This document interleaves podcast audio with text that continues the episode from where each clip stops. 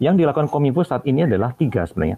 Bagaimana masyarakatnya sendiri eh, bertransformasi digital, digital society, ekonomi juga bertransformasi digital, kemudian yang terakhir adalah pemerintahnya sendiri.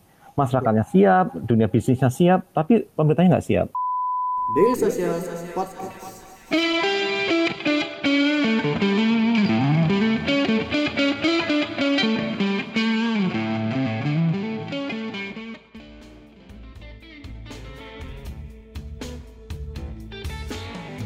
Oke, halo, selamat malam. Bertemu lagi dengan saya Amir di sesi Selasa Startup. Kali ini kita akan membahas topik inovasi korporasi, khususnya transformasi digital bersama para panelis kita yang luar biasa hari ini. Uh, yang pertama adalah Bapak Inyoman Adiarna. Selamat malam Pak. Selamat malam, Pak Amir. Ya, Pak Inyoman adalah pelaksana tugas Direktur Ekonomi Digital Kementerian Kominfo. Uh, beliau menggantikan Pak Semi yang kebetulan berhalangan hadir untuk malam kali ini. Yang kedua adalah Mas Herdi Sularko, VP of Digital Business Partnership uh, and Development Pegadian. Selamat malam, Mas. Malam juga, Pak Amir. Sehat-sehat ya.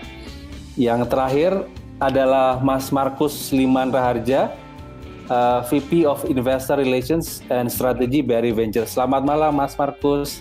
Malam, Mas Amir. Oke kita langsung aja. Kita uh, minggu kemarin uh, Daily Social baru saja meliris uh, laporan baru tentang transformasi digital, uh, khususnya di e-corporate yang disusikan uh, inovasi uh, digital dengan 20 perusahaan besar di Indonesia, termasuk juga dengan BRI dan Pegadaian.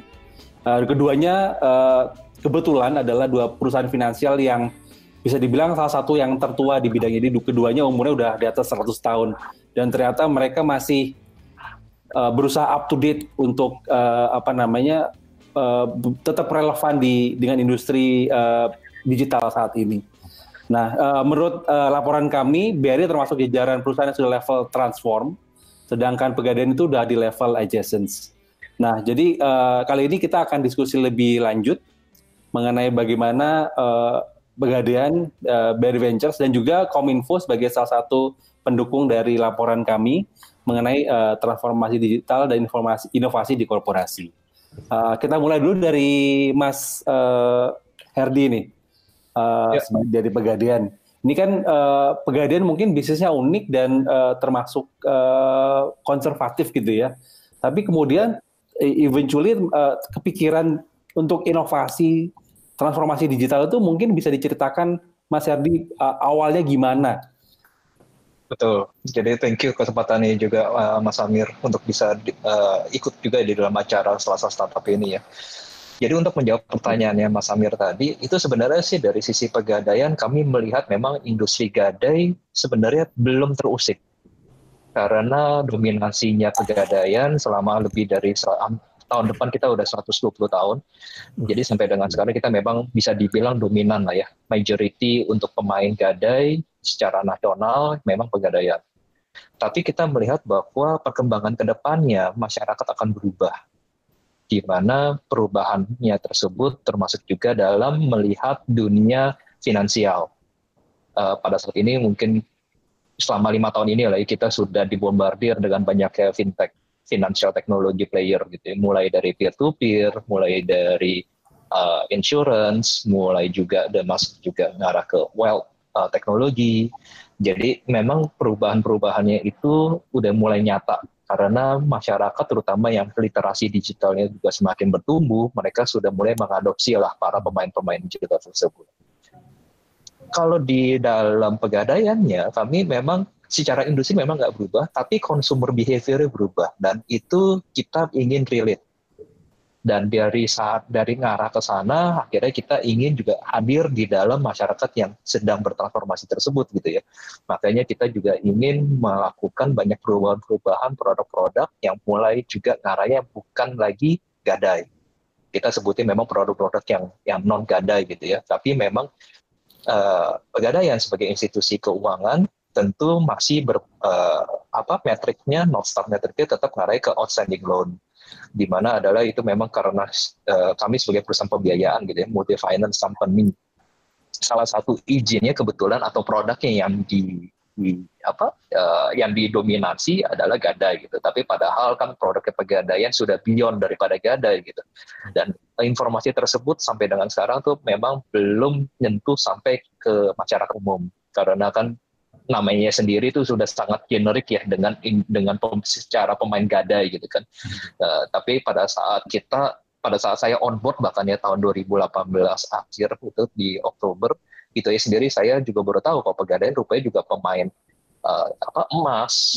Kemudian mereka juga uh, kita juga masih punya produk pembiayaan kendaraan bermotor. Roda dua roda empat baru dan second eh baru dan uh, second gitu. Terus kemudian juga kita ada uh, konsep untuk uh, pembiayaan uh, apa keberangkatan haji. Jadi sebenarnya produk pegadaian sendiri in general secara existing itu sebenarnya sudah punya varian yang banyak. Tapi dengan masyarakat yang berubah tentunya adalah kita ingin menyentuh kepada digital touchpoint yang ada yang sudah yang sudah sekarang ini sudah tersebar lah. Mungkin ibarat kata kalau misalkan kita pegadaian kan terkenal dengan outletnya juga ya. ya. Mungkin kita kedua paling banyak setelah BRI di dalam institusi keuangan gitu jadi di mana pasti ada pasar, pasti ada BRI, ada pegadaian. Gitu.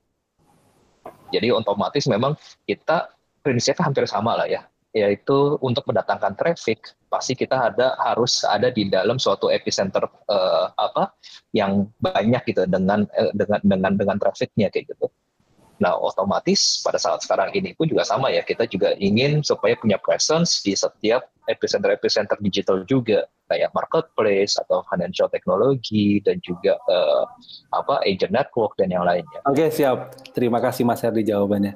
Nah, aku mau lanjut lagi nih ke Mas Markus nih. Ini kan uh, eh, BRI juga pemain salah satu pemain tertua juga ya.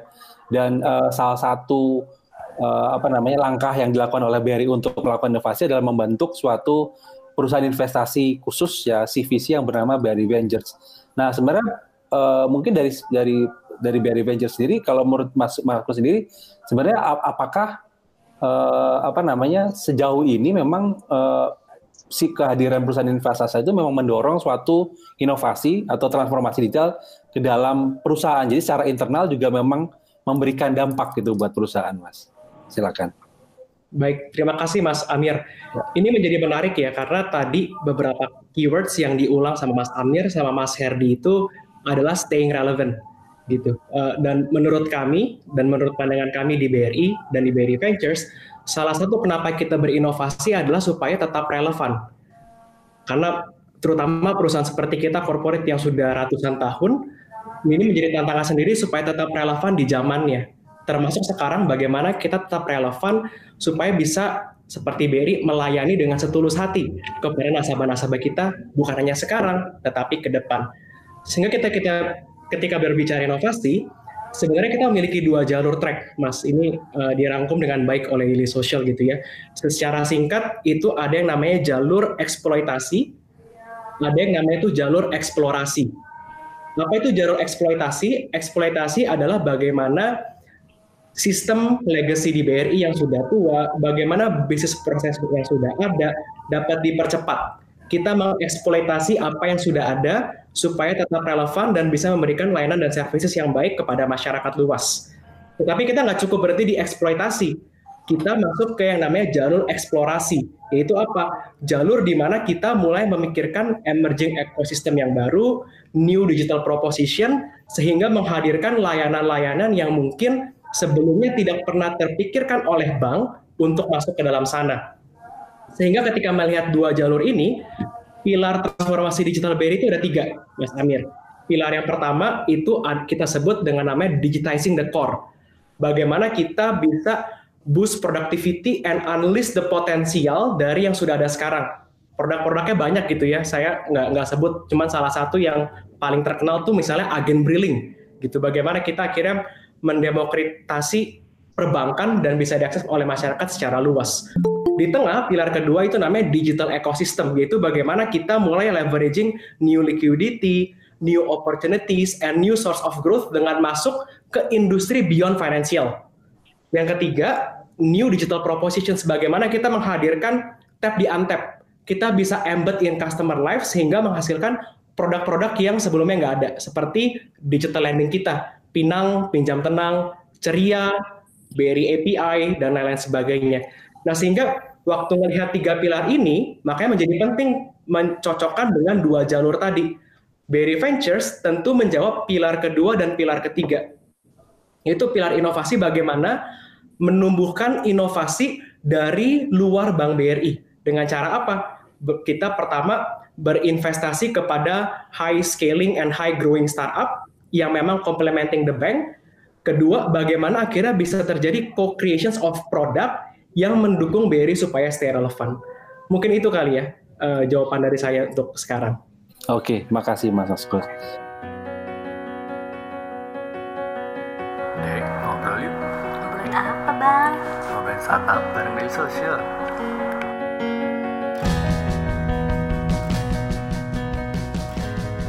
Daily Social Podcast.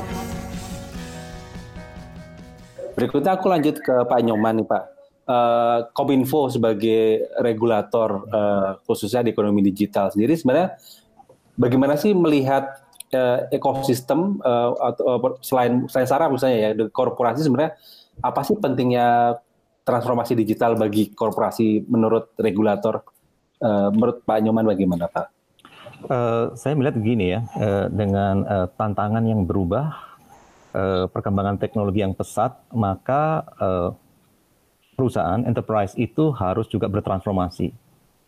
Salah satunya adalah melalui transformasi digital. Jadi menurut saya transformasi digital adalah bagian dari transformasi dari perusahaan itu sendiri. Dan ini harus dilakukan tadi Pak Markus sudah menyampaikan untuk stay apa? Stay uh, relevant stay relevan itu apa di belakang kata itu? Sebenarnya kalau menurut saya adalah competition, daya saing. Sehingga ke depan mereka survive. Dan inovasi adalah salah satu jalan agar perusahaan itu tetap stay relevan. Dan sekarang kan banyak sekali teori-teori ya tentang uh, inovasi ya. Dan perusahaan memang tidak bisa tidak harus melakukan itu. Nah, kaitannya dengan pemerintah, pemerintah juga harus mendorong ya. Private sector mungkin sebagian company mampu melakukan transformasi digital, tapi masyarakatnya juga harus didorong uh, bertransformasi digital ya. Masyarakatnya juga harus bisa mengikuti perkembangan itu. Yang dilakukan Kominfo saat ini adalah tiga sebenarnya. Bagaimana masyarakatnya sendiri uh, bertransformasi digital, digital society, ekonomi juga bertransformasi digital, kemudian yang terakhir adalah pemerintahnya sendiri. Masyarakatnya siap, dunia bisnisnya siap, tapi pemerintahnya nggak siap. Jadi pemerintah harus didorong, uh, khususnya termasuk juga pemerintah di daerah-daerah, bertransformasi digital, memberikan pelayanan yang baik, sehingga segala sesuatu menjadi lebih efisien.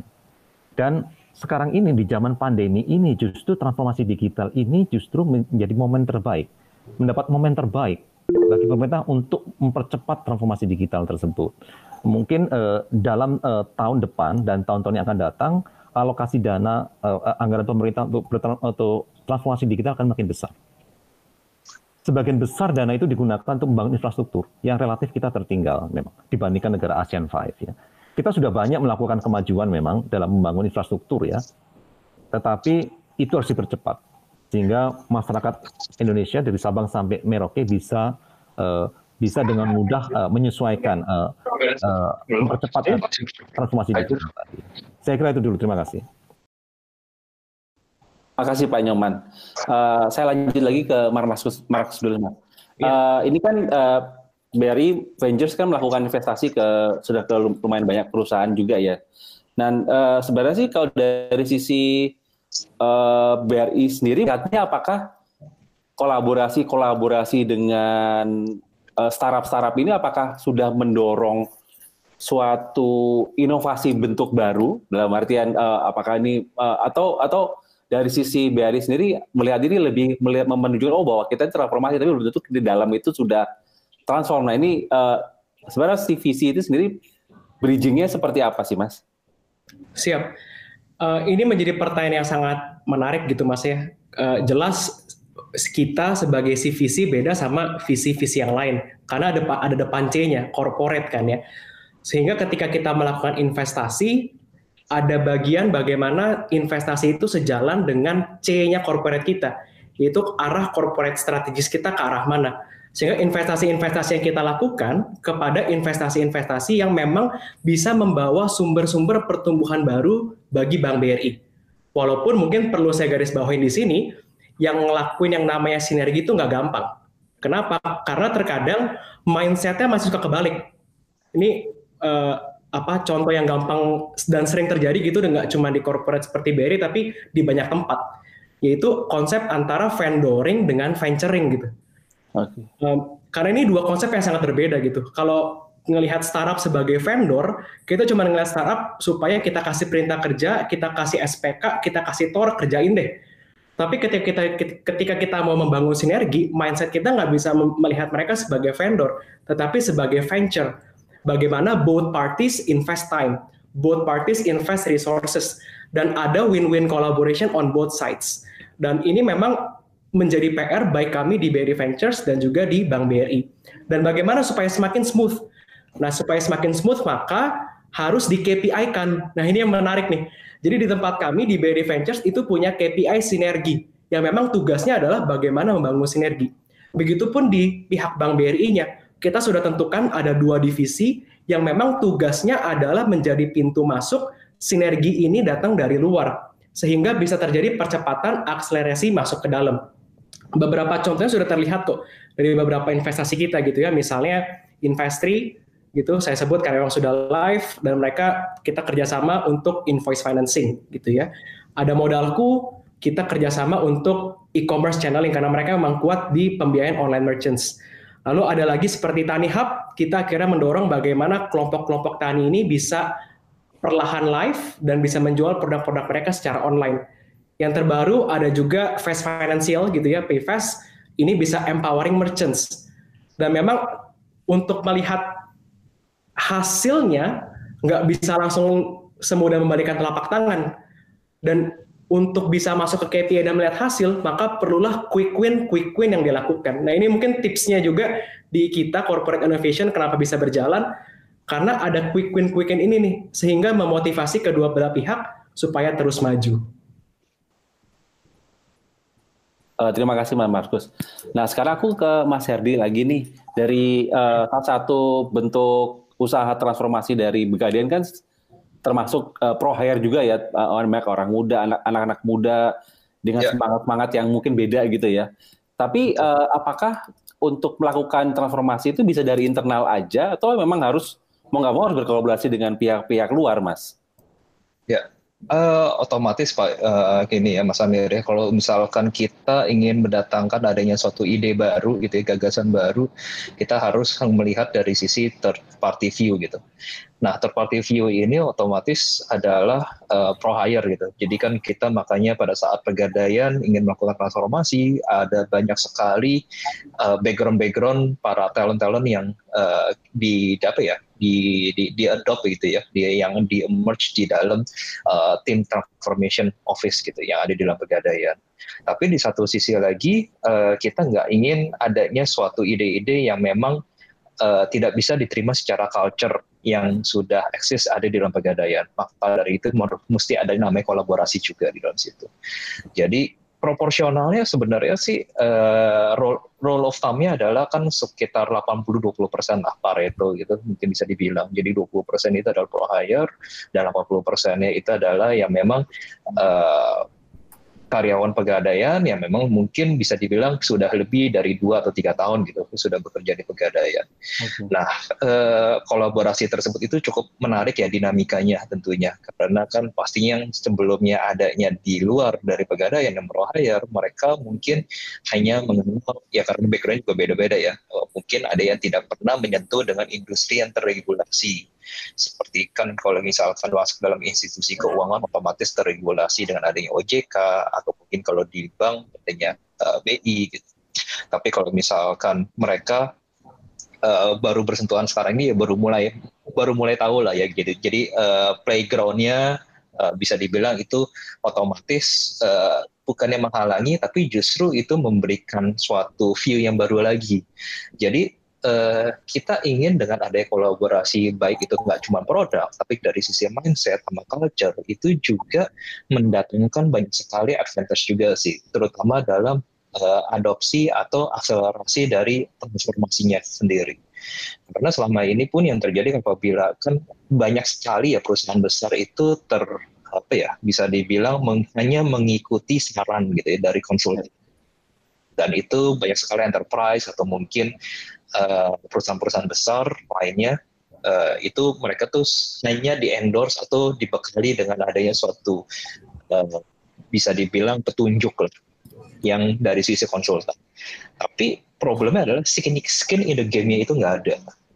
Jadi di mana kalau misalkan untuk melakukan transformasi itu tentunya kita nggak bisa lagi hanya melihat dari sisi third party-nya, tapi justru juga harus mendrive tersebut gitu. Karena kalau misalkan kita lepas daripada uh, organisasinya tersebut gitu, kita hanya sebagai konsultan ya tentunya kita mungkin bisa melakukan ada perubahan yang signifikan. Dan rencananya pegadaian dalam waktu kurang dari lima tahun dan itu udah berjalan kurang lebih sekarang udah jalan dua tahun gitu ya kita si on track. Dan bahkan ada beberapa inisiatif-inisiatif yang kita sudah overlapping. Jadi artinya sudah kita mempercepat lah akselerasinya tersebut juga uh, menarik juga seperti yang tadi diungkap sama Markus tentang adanya vendoring dan venturing gitu ya. Uh, even though bahwa pegadaian ini bukan masih belum mempunyai adanya suatu unit yang bentuknya venture capital atau modal ventura, tapi kita pun uh, sudah mulai menerapkan pola-pola semacam tersebut gitu. Di dalam melakukan uh, kolaborasi dengan para external partner, terutama seperti kayak mungkin yang sudah cukup dikenal kayak Tokopedia gitu ya, itu adalah pola di mana yang kita sebenarnya juga melakukan kolaborasi yang cukup heavy dengan mereka. Bisa dibilang mungkin uh, ham, tidak ada apa ya tidak ada lagi pemain lain yang berhubungan dengan tabungan emas atau mungkin uh, emas gitu ya tapi itu bisa masuk sampai ke dalam rounding di dalam settlement transaksi yang ada di dalam Tokopedia dan itu perlu adanya suatu drive dari dua belah pihak tentunya. Untuk bisa mencapai adalah suatu goal yang cukup signifikan ya. Karena uh, saya juga apresiasi ya dari tim Tokopedia juga untuk mereka juga sempat open untuk bisa menerima suggestion-suggestion dan sama kita pun juga juga uh, selama ini pun juga juga ingin melakukan improve uh, atau melakukan interaksi development gitu untuk bisa melihat kota tabungan emas ini ini juga semakin berkembang gitu. Jadi itu mungkin semangat yang kolaborasi ini justru juga memberikan satu benefit kepada pegadaian khususnya ya di mana transformasi itu jadi bisa lebih cepat.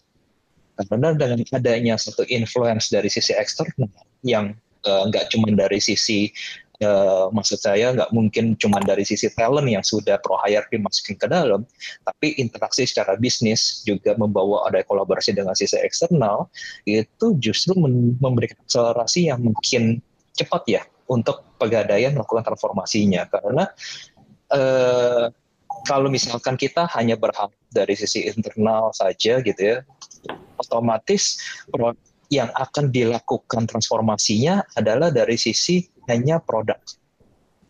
Tapi dengan ada kolaborasi dari sisi eksternal, partner yang memang berada di luar, tapi mungkin uh, bisa dibilang mereka sudah bersih atau uh, digital native gitu ya, otomatis pada saat kita ketemukan, yang berubah nggak cuma produknya saja, tapi culture dan juga mindsetnya pada saat mereka harus menghadapi para uh, digital native companies yang mungkin mereka tuh selalu inginnya cepat gitu ya, agile, nimble kayak gitu. Jadi otomatis itu memberikan benefit yang luar biasa juga sih. Itu makanya dengan kita semakin banyak berpartneran atau melakukan kolaborasi dengan partner eksternal, uh, itu justru memberikan benefitnya kepada pegadaian itu nggak hanya produknya saja, tapi people-nya pun juga uh, mindset dan juga culture-nya mereka juga semakin terbuka. Oke. Okay. Mungkin demikian, uh, Terima kasih Mas Herdi. Jangan lupa subscribe Ngobrolin Startup Daily Social Podcast di SoundCloud, Spotify, atau aplikasi podcast favorit kamu. ya gini Pak, tadi kan uh, Mas Yardi udah uh, menyebutkan soal uh, regulasi gitu ya, karena kebetulan ya. keduanya di, di industri finansial yang memang regulasinya bisa dibilang termasuk yang paling ketat di antara ya. industri yang lain. Nah, sebagai uh, salah satu pihak regulator, Pak, uh, bagaimana sebenarnya uh, Pak Nyoman sendiri Kominfo ngelihat bahwa uh, regulator uh, regulasi di Indonesia sendiri itu seperti apa? Apakah memang sudah diciptakan untuk mendorong iklim inovasi dan transformasi atau atau malah malah menjadi roadblock terhadap inovasi ini Pak. Menurut Pak Nyoman gimana Pak? Terima kasih uh, ya. Pak Amir. Ini ya. pertanyaan sangat relevan dengan apa yang kita hadapi saat ini. Jadi di direktorat kami itu kita bertanggung jawab Pak uh, mendorong akselerasi transformasi digital di enam sektor ya. Uh, misalnya pertanian, maritim, pendidikan, kesehatan, logistik, dan pariwisata misalnya. Masing-masing sektor ini punya regulasi yang berbeda-beda ada yang highly regulated ya, sangat rigid ya. Misalnya itu terkait kesehatan karena menyangkut manusia. Tapi ada juga yang relatif soft seperti pendidikan ya. Karena saya melihatnya ini pandangan saya pendidikan itu kan sebenarnya juga lebih banyak uh, aspek uh, transformasi digital juga ya. Hanya informasi ditransfer dari guru ke murid segala macam. Jadi kalau mereka kemudian bertransformasi digital relatif tidak banyak aturan yang sebenarnya dilanggar gitu. Tapi kalau di sektor kesehatan ini sangat. Jadi Uh, saya kami melihat gini ya, kami uh, yang menyusun regulasi sektoral itu adalah di Kementerian Teknis ya, Kementerian Lembaga Teknis, dan kami lebih banyak mendorong memfasilitasi agar regulasi-regulasi terkait uh, transformasi digital itu bisa dipercepat. Sebagai contoh di sektor kesehatan misalnya, sekarang dengan adanya pandemi kita bisa bisa men, bisa me, uh, bisa merasakan masalah yang kita hadapi ya. Ternyata apa? Uh, kita membutuhkan untuk mengunjungi dokter, tapi dokter sendiri juga punya keterbatasan. Mungkin dia juga khawatir, sehingga apa? Akhirnya ada, misalnya ada pasien terpaksa berkunjung dokter uh, secara online. Secara aturan nggak boleh itu sebenarnya. Dan ini harus kita telaah supaya aturan-aturan yang ada itu bisa pelan-pelan kita uh, kita dorong untuk lebih fleksibel terhadap perubahan. Kalau di sektor kesehatan, ini saya bukan ahli di sini, tapi misalnya apa yang harus dilakukan? Yang paling mendesak adalah misalnya uh, electronic medical record, ya, data rekam medis elektronik. Menurut aturan yang sekarang itu harus ada di rumah sakit dan nggak bisa dipindah-pindahkan. Dan ini harus didorong supaya bisa digunakan nanti oleh ya, oleh uh, untuk keperluan tadi ya, digitalisasi. Karena uh, data-data tentang uh, pasien itu harusnya bisa diakses uh, tentu saja dengan aturan untuk keperluan memberikan pelayanan lebih baik kepada uh, masyarakat. Kemudian kedua adalah seperti di fintech, mungkin Bapak Ibu lebih familiar, kita harus mendorong adanya inovasi itu melalui namanya sandbox regulation ya. Jadi inovasi-inovasi yang ada itu kita beri uh, framework. Misalnya boleh diimplementasikan dalam setahun. Setiap bulan, setiap periode tertentu itu kita evaluasi. Kalau ternyata nggak sesuai, ya udah nggak boleh gitu. Atau setelah setelah menjadi besar harus berizin ini sudah diterapkan di fintech, tapi nanti akan diterapkan juga di kesehatan dan seterusnya. Ini adalah beberapa contoh uh, uh, apa regulasi-regulasi yang yang uh, harus didorong di sektoral. Uh, terkait regulasi di Kementerian Kominfo sebenarnya tidak ada. Yang kami dorong adalah ya percepatan dari tadi dari transformasi digital, percepatan pembangunan infrastruktur uh, yang harus kita lakukan. Kita juga mendorong uh, misalnya efisiensi dari uh, penyelenggara telekomunikasi supaya misalnya biaya, tarif dan seterusnya itu bisa rendah ya, tarif internet seterusnya rendah. Itu yang kami lakukan di Kementerian Kominfo. Kita juga ada di terkait dengan pemerintahan ada aturan peraturan presiden terkait sistem pemerintahan berbasis elektronik. Kita mendorong pemerintah daerah itu sharing atau infrastruktur. Uh, jadi data center, server segala macam itu jangan beli sendiri, tapi mereka bisa share atau memanfaatkan uh, data center ada di pemerintah pusat dan itu adalah free of charge. Jadi apa yang apa tujuannya? Pelayanan kepada pemerintah eh, pada masyarakat di daerah menjadi lebih eh, lebih cepat, lebih efisien. Di satu, sisi, di satu sisi biaya bisa ditekan lebih rendah. Mungkin itu dulu. Terima kasih. Oke, makasih Pak Nyoman. Tapi aku mau nah, lanjutin nih Pak. Ya. Kalau misalnya nanti dari mungkin teman-teman di industri sendiri mungkin merasa ada uh, tidak keberatan atau tidak setuju atau mungkin merasa jadi roadblock di regulasi sebenarnya seharusnya dari para pemain industri itu bagaimana uh, apa ya metode ataupun cara penyampaian yang pas untuk bisa bersama-sama bersama regulator untuk mendorong suatu regulasi ya. yang lebih mendorong iklim inovasi nih Pak. Ya, uh, ini menarik sekali ya. Ini uh, betul sekali. Uh, di banyak sektor mereka sudah datang dan mengadakan pertemuan dengan uh, dengan Kementerian Teknis. Isunya biasanya ada dua macam kadang-kadang ada aturan internasional atau aturan uh, internasional yang harus dipatuhi, harus dijadikan referensi. Ini tidak mudah biasanya. Karena itu teman-teman kami, kolega kami di Kementerian Lembaga Teknis biasanya itu tidak mudah dengan serta merta melakukan uh, apa perubahan regulasi itu. misalnya tadi termasuk sektor kesehatan itu ada aturan internasionalnya itu uh, tidak mudah. Ada satu dua negara yang inovatif ya, negara kecil misalnya Singapura, Estonia itu lebih relatif lebih progresif. Tapi buat negara besar seperti Indonesia meniru, mencontek ya, menjadikan itu sebagai best practice suatu tantangan. Kemudian yang kedua ada hambatan uh, ini ya kalau kami petakan ya, hambatan misalnya gini, sebenarnya di sektor pertanian itu potensinya sangat besar kita melakukan transformasi digital ya, eh, penerapan smart farming misalnya, eh, penggunaan sensor apa eh, Internet of Things ya, sensor-sensor untuk pertanian. Tetapi mungkin teman-teman kolega kami di Kementerian Teknis melihat ini belum prioritas karena permasalahan yang dihadapi di sektor pertanian kan luas. Masalah yang lebih strategis, masalah bibit, masalah bantuan kredit kepada petani dan seterusnya ini harus diselesaikan dulu nih. Mungkin teman-teman Pak Hardi dari uh, lebih paham masalah ini ya. Di, jadi itu harus diselesaikan dulu.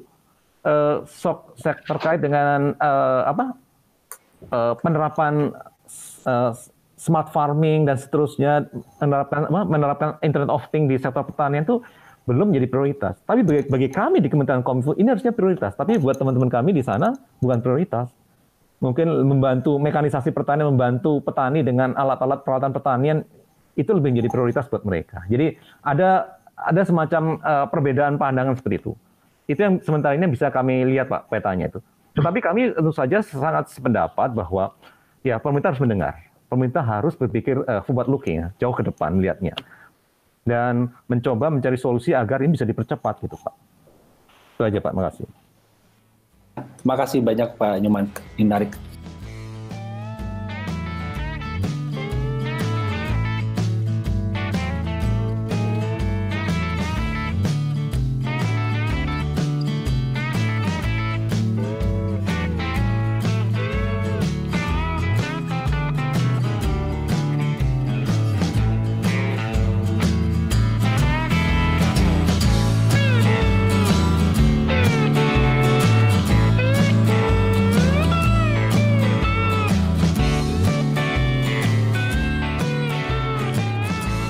Keep in touch bersama kita di dailysocial.id untuk website kita.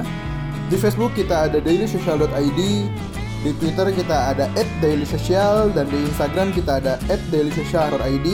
Di LinkedIn kita ada Daily Social dan di YouTube kita ada Daily Social.